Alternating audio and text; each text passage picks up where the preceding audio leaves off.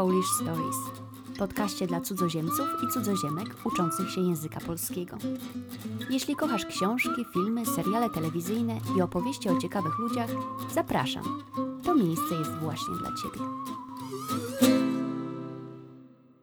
Cześć, jestem Gosia i zanim zaczniemy ten odcinek, chciałabym Cię znów zaprosić do Language TV Club, gdzie już w marcu będziemy rozmawiać o polskim serialu Gang Zielonej Rękawiczki. Zapisy są już otwarte, a link znajdziesz w opisie odcinka. Language TV Club to miejsce spotkań online, gdzie prowadzone są kilkutygodniowe kursy konwersacyjne. Tym się różnią od innych konwersacji, że rozmawiamy tu o serialach, które można obejrzeć na Netflixie. Przed każdym spotkaniem masz do obejrzenia jeden lub dwa odcinki, do których dostajesz materiały, pytania do dyskusji i słowniczek. A potem spotykamy się w grupie na półtorej godziny i rozmawiamy. To lekcja języka, która wygląda jak spotkanie w gronie dobrych znajomych. 25 lutego startujemy z czwartą edycją Polskiego Klubu. Będzie mi bardzo miło, jeśli do nas dołączysz. A teraz zapraszam na odcinek 14. Adam Mickiewicz. Witam Cię w drugim sezonie Polish Stories, podcastu dla osób uczących się języka polskiego i zainteresowanych polską kulturą. To pięcioodcinkowy mini-sezon, w którym opowiadam o pięciorgu Polakach, których pewnie znasz, ale może nie wiesz, że byli Polakami.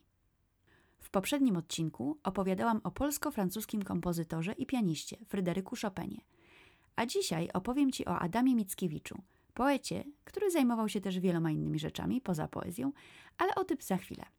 My, Polacy, uważamy go za jednego z największych polskich poetów, a zarazem za jednego z trzech wieszczów okresu romantyzmu – obok Juliusza Słowackiego i Zygmunta Krasińskiego. Ale dla Litwinów Adam Mickiewicz był Litwinem. Nazywał się Adomas Mickiewiczius i wprawdzie, nie da się ukryć, pisał po polsku, ale pochodził z Wielkiego Księstwa Litewskiego i czuł się Litwinem. A więc jak to było z tym Mickiewiczem?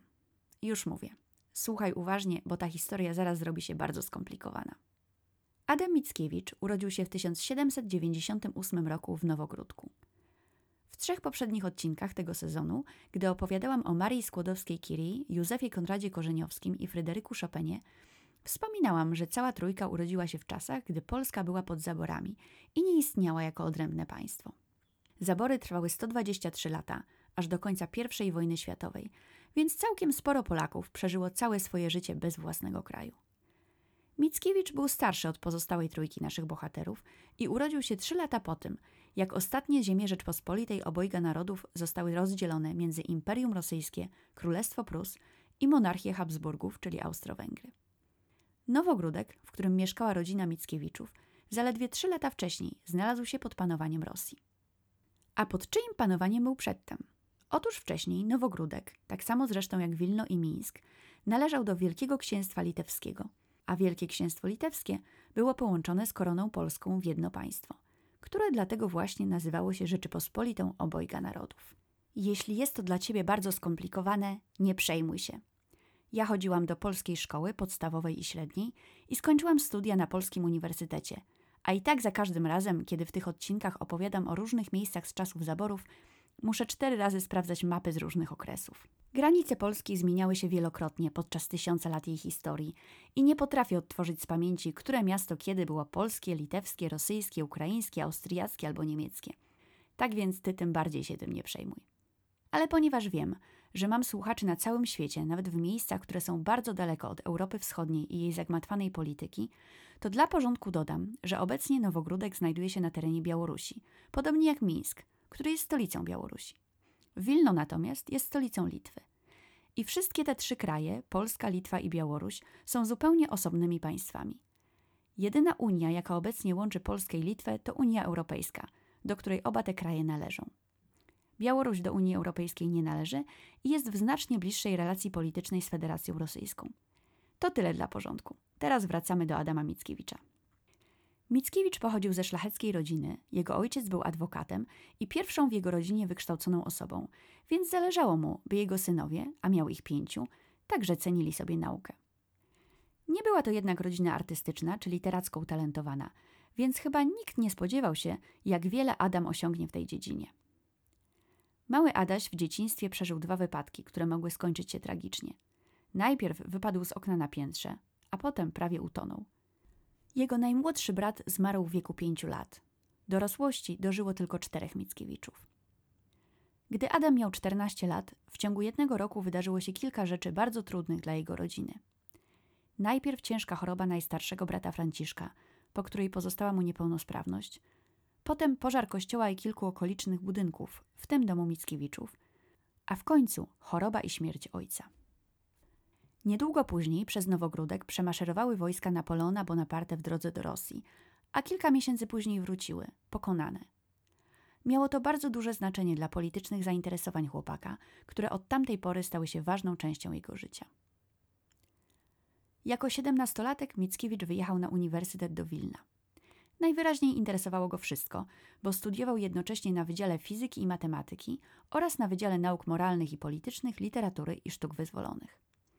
Ale że po śmierci ojca sytuacja finansowa rodziny pogorszyła się, musiał też mieć pewność, że znajdzie niebawem pracę, więc podjął też naukę w seminarium nauczycielskim. W ciągu czterech lat ukończył studia z tytułem magistra. Mimo tego intensywnego trybu studiowania, znalazł też czas, by wraz z przyjacielem Tomaszem Zanem i innymi kolegami założyć Towarzystwo Filomatyczne. Z początku była to po prostu grupa studencka, której celem było samokształcenie i samorozwój, ale wkrótce przekształciła się ona w tajną organizację narodowo-patriotyczną. Jak się pewnie domyślasz, wielu Polaków i Litwinów nie było zadowolonych z utraty swojego państwa i podziemna walka o niepodległość trwała na różne sposoby przez cały okres zaborów. Oczywiście działalność filomatów nie uszła uwagi carskiej policji. Ale nie samą nauką i polityką człowiek żyje. Mickiewicz poznał dziewczynę, która stała się jego wielką miłością, odwzajemnioną, ale niespełnioną.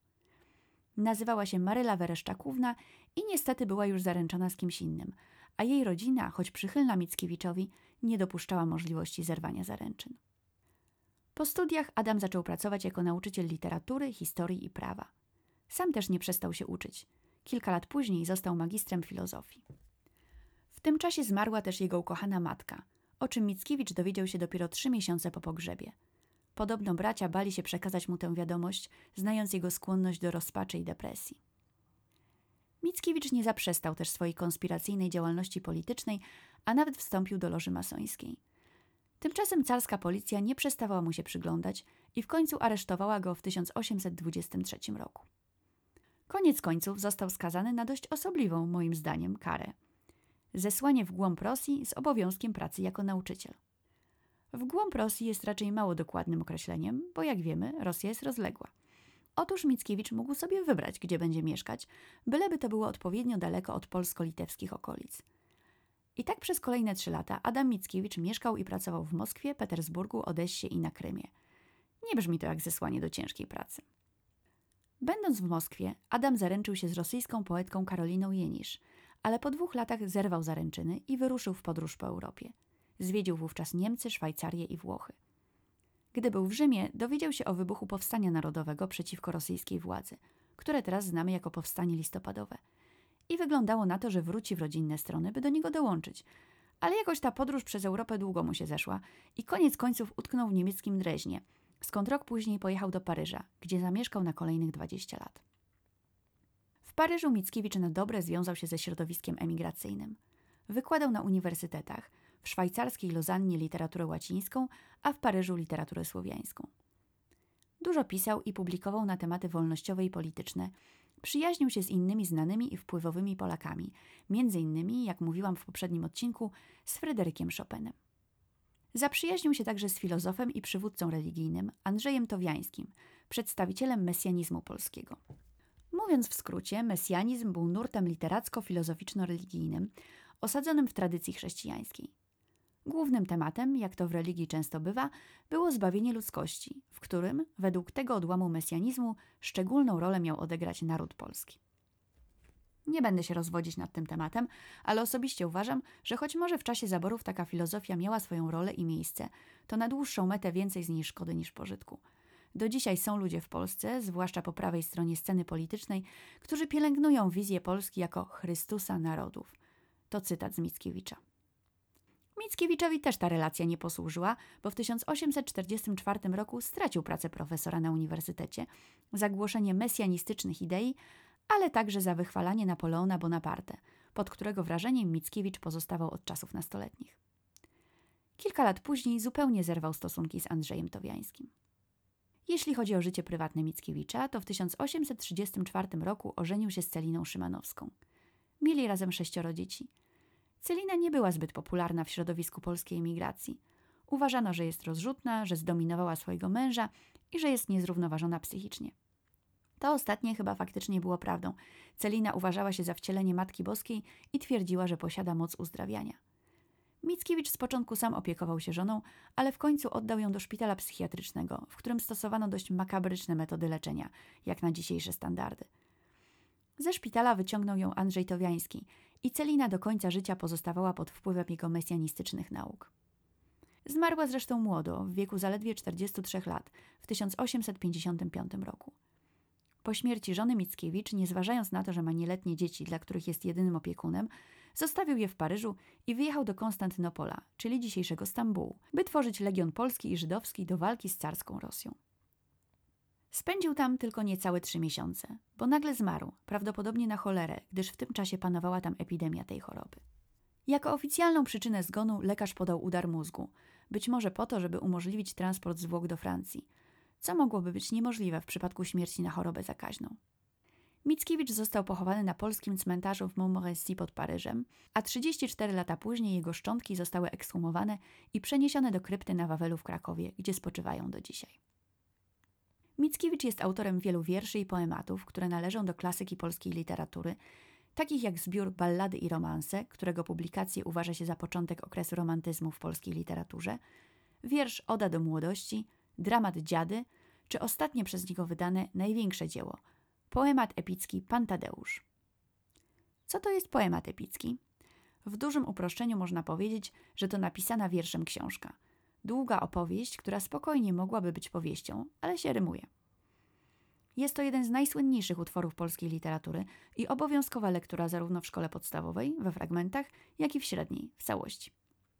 Nie mogę powiedzieć, że polecam pana Tadeusza do przeczytania w oryginale osobom, które uczą się języka polskiego i nie są jeszcze na poziomie bardzo zaawansowanym.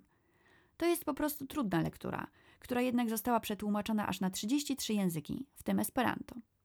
To, co polecam, to przeczytanie pana Tadeusza w przekładzie na twój język, jeśli jest jednym z tych 33, żeby dobrze zrozumieć, o co chodzi w tej dość skomplikowanej historii, i obejrzenie filmu z 1999 roku w reżyserii Andrzeja Wajdy – w którym tytułową rolę zagrał Michał Żebrowski.